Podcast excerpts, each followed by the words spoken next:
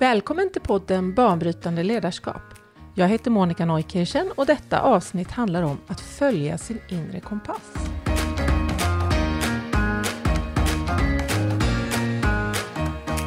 Poddserien produceras av Hillesgårdsakademin och idag har jag tre gäster här som alla har gått programmet Banbrytande ledarskap som Hillesgårdsakademin anordnar.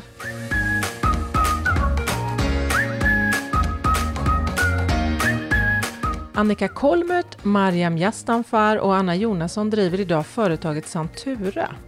Och Santura föddes ur en process hos de alla tre som handlade just om det här med att hitta och lyssna till sin inre kompass. Och jag har bjudit hit dem idag för att prata om vad som har hänt dem under de senaste åren. Om det där skavet man känner när man gör någonting som går emot den där inre kompassen. Och om att säga nej till status, pengar eller makt för att det går emot det man faktiskt vet är rätt.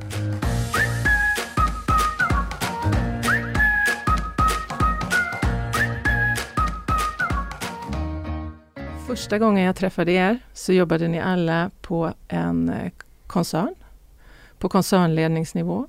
Ni hade höga titlar, jättefina titlar. Ni hade höga löner, ni hade makt, ni hade inflytande. Och eh, nu sen ett tag tillbaka så står det Santura på era visitkort. Vad var det som hände? Nu sitter ni här i en poddstudio och pratar om banbrytande ledarskap. Jag tror ju att det var en rad sammanlänkande faktorer egentligen. Vi alla hade ju eh, jobbat Eh, under en längre tid i det här bolaget. Vi hade gjort otroligt mycket förändringsarbeten. Vi hade utmanat oss, oss själva förstås, men också många chefer i organisationen på flera olika områden. Att ta nya kliv och så efter ett tag så känner man vad blir nästa steg? Och jag tror att det är helt eh, naturligt att så blir det efter ett tag. Vad ska vi göra nu? Vad blir vår, vår nästa roll? Eh, och som du säger, vi hade ju då höga positioner och, och det är svårt att se vad, vad, skulle nästa roll kunna bli för oss då? Och för min egen del så, så fanns det ju egentligen bara en roll kvar och den vill inte jag ta. Eh, utan, och det var VD-rollen? Ja, ja, jag kände att eh, nu har jag gjort så mycket och, och jag känner att jag vet hur det är att styra ett företag och då skulle nästa steg kunna bli det. Det kände jag var alldeles för administrativt. Jag vill jobba med människor. Jag vill jobba med förändring där det verkligen händer. Eh, och då dök ju den här kursen upp då, banbrytande ledarskap. Jag säger kurs för det trodde jag att det var. Eh, men det visar sig att det inte jag, skulle inte... jag skulle omdefiniera det idag. Det är inte en kurs utan det är verkligen mer en insiktsfull resa om hur, hur jag som chef och ledare kan omsätta mitt egna ledarskap i praktiken. Och under den här eh, resan så inträffar ju en rad saker givetvis. Eh, jag börjar fundera lite över vem jag är, var står jag någonstans, vad vill jag egentligen med mitt ledarskap? Och i det, ihop med en rad förändringar i, i verksamheten jag var i, så kände i alla fall jag att nej, jag, jag behöver jobba med det här men i en helt annan form. Eh, jag är lite trött på de här strukturerna, jag är lite trött på maktordningen.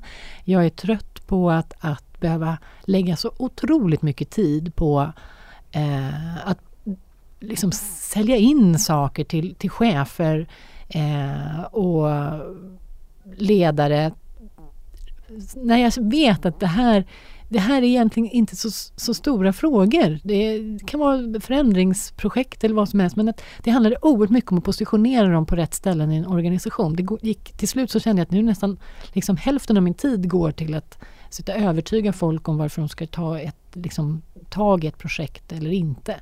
Eh, dessutom så kände jag, i alla fall jag personligen, att väldigt mycket tid på den här nivån gick också till att försöka eh, fortsätta och, och eh, stimulera makten på olika sätt, den personliga makten.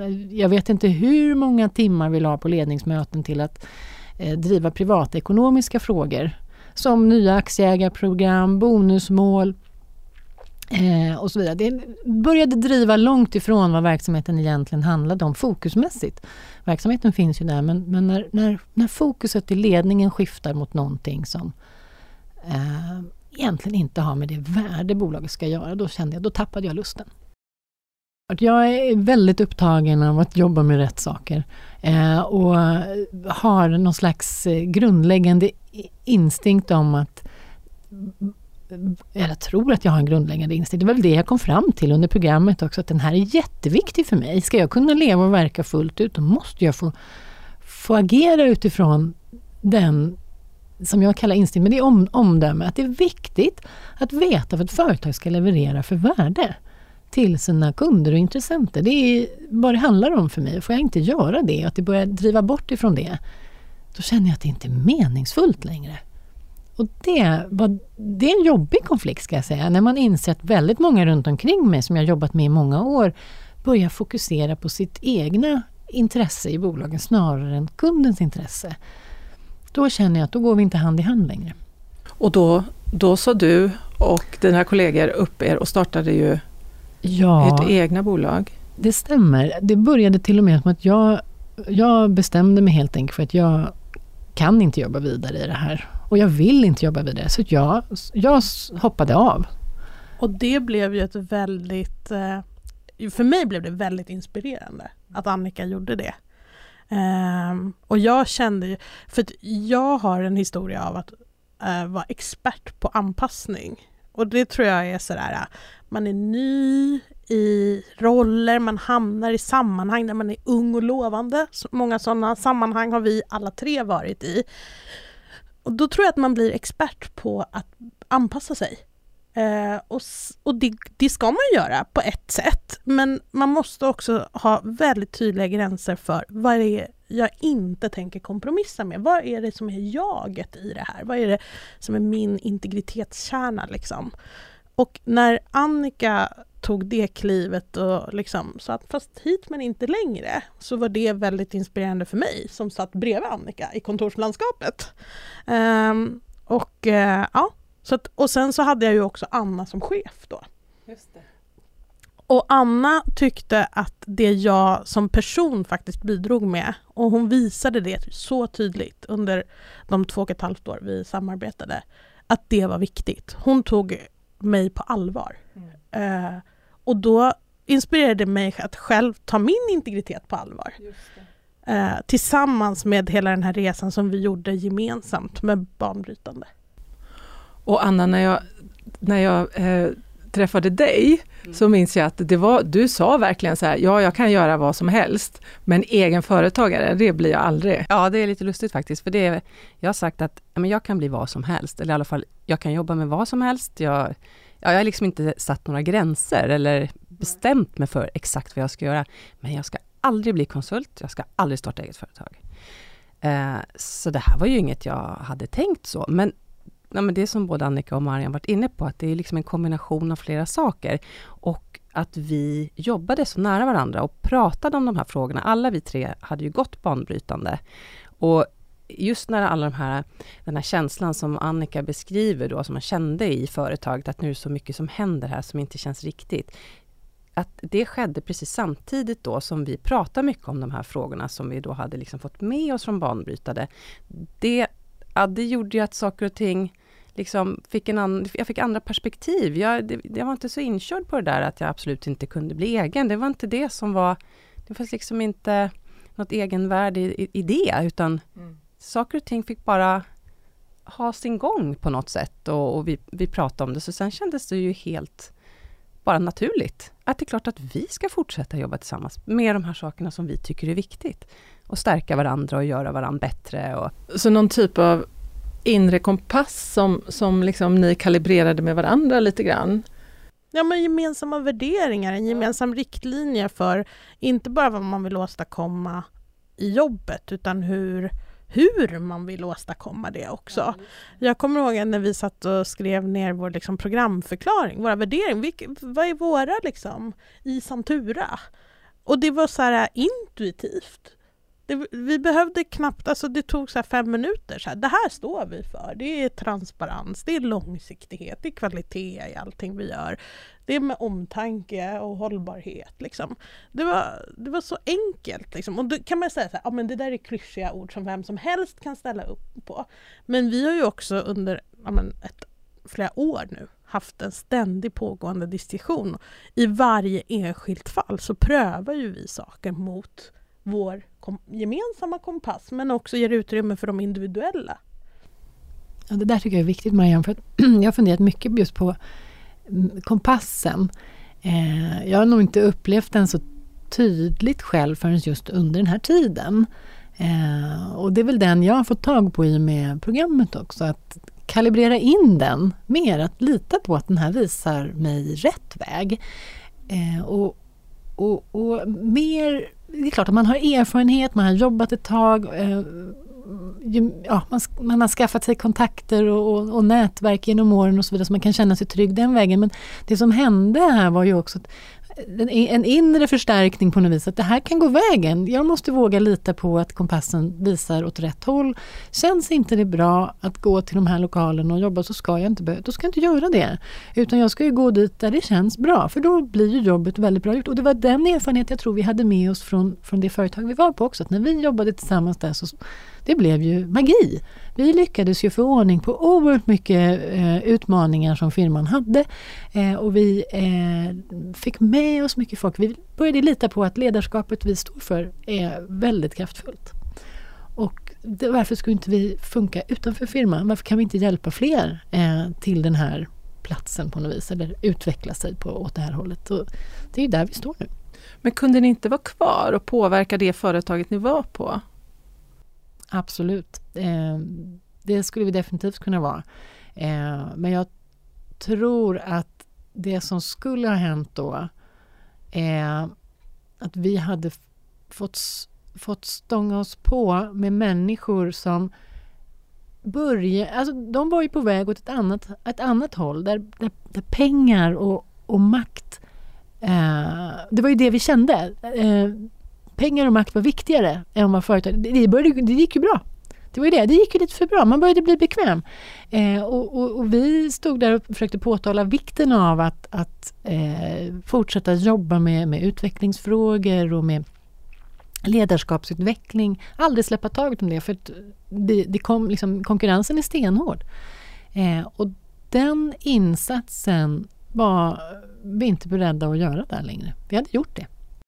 Det, det ska man komma ihåg, det, där, det här händer naturligt. Ja. Det, det, det, är inte något unikt på något sätt. Jag tror väldigt många som kanske lyssnar här nu också har varit med om det här. Att när man märker, det är väl, väldigt naturligt.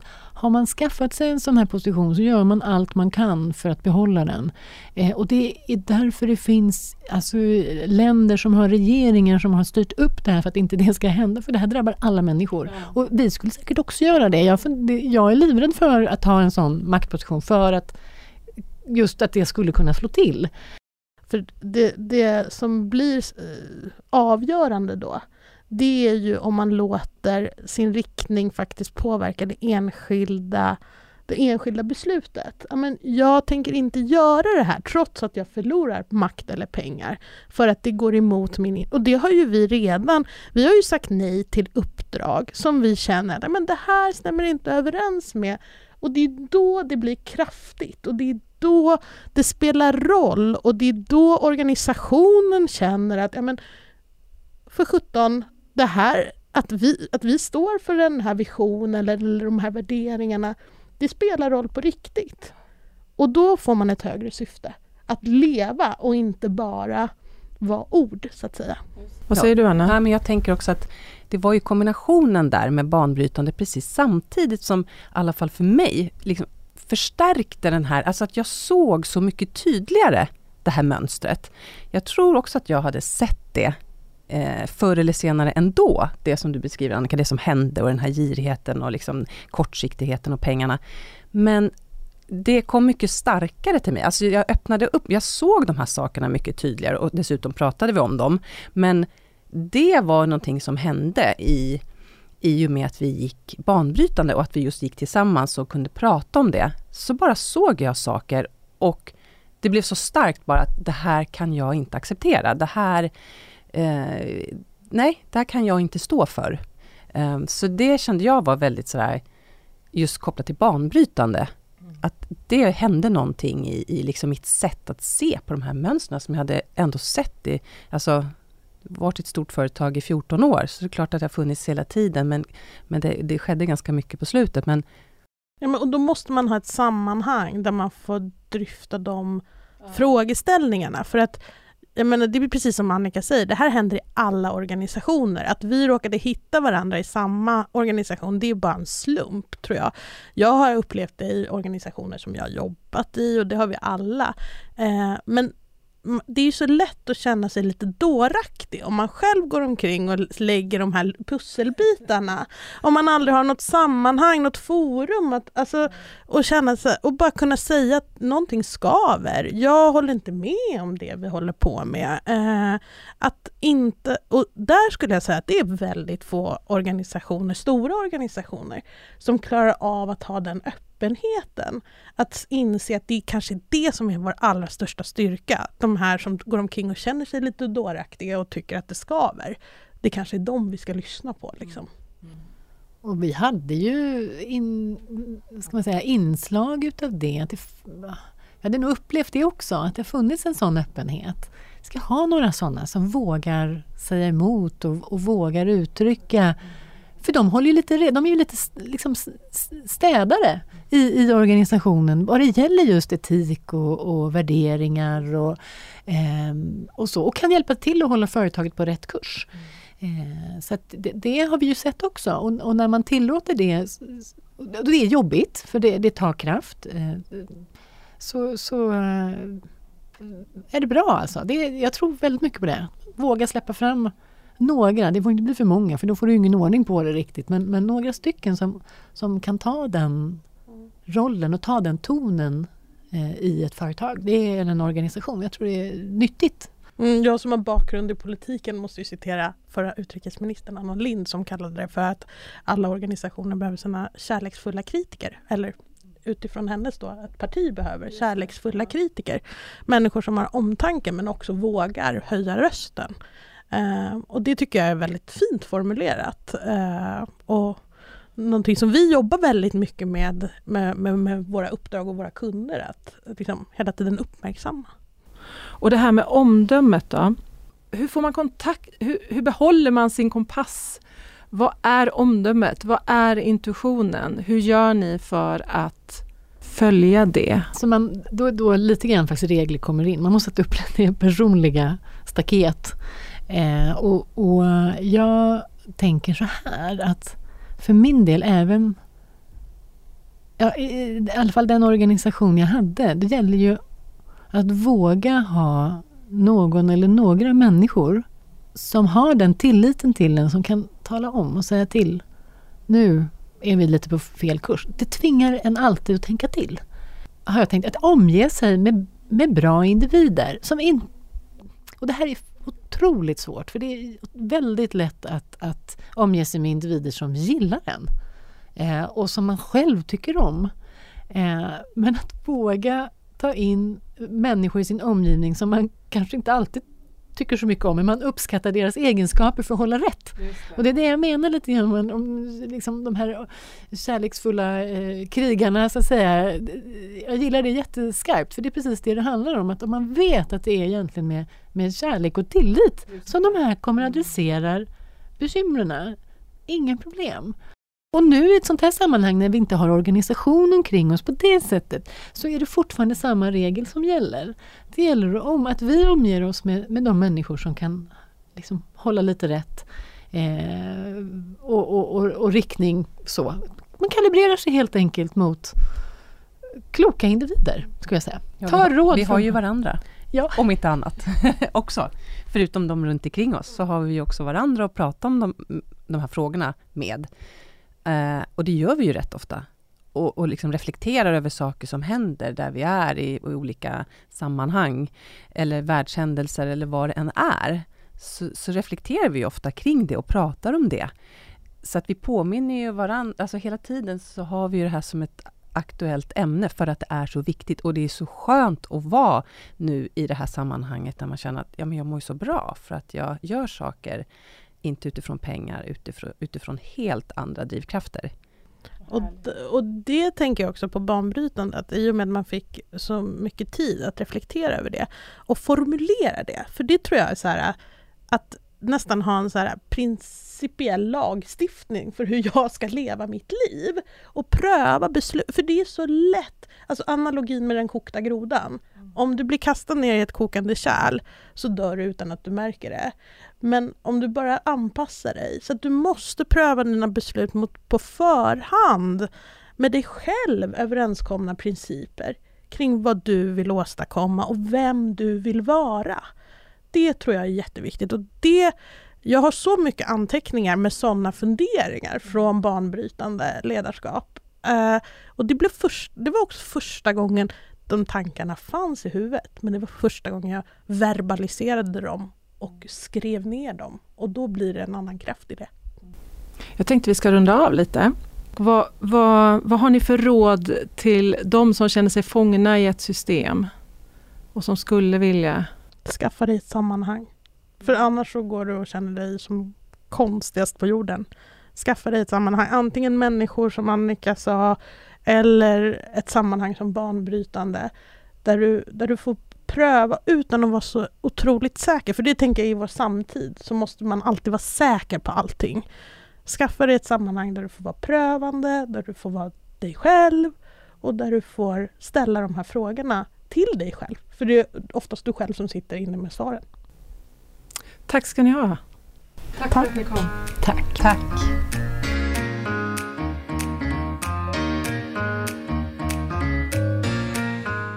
Ni har hört avsnittet Att följa sin inre kompass i poddserien Banbrytande ledarskap. Jag heter Monica Neukirchen och med mig idag hade jag Annika Kolmert, Mariam Yastanfar och Anna Jonasson från Santura.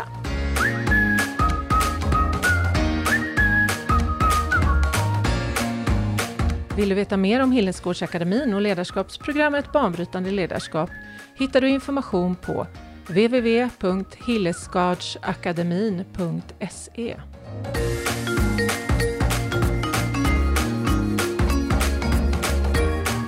Podden är producerad av Hillesgårdsakademin och detta avsnitt är inspelat hos Länsförsäkringar Mäklarservice i Stockholm.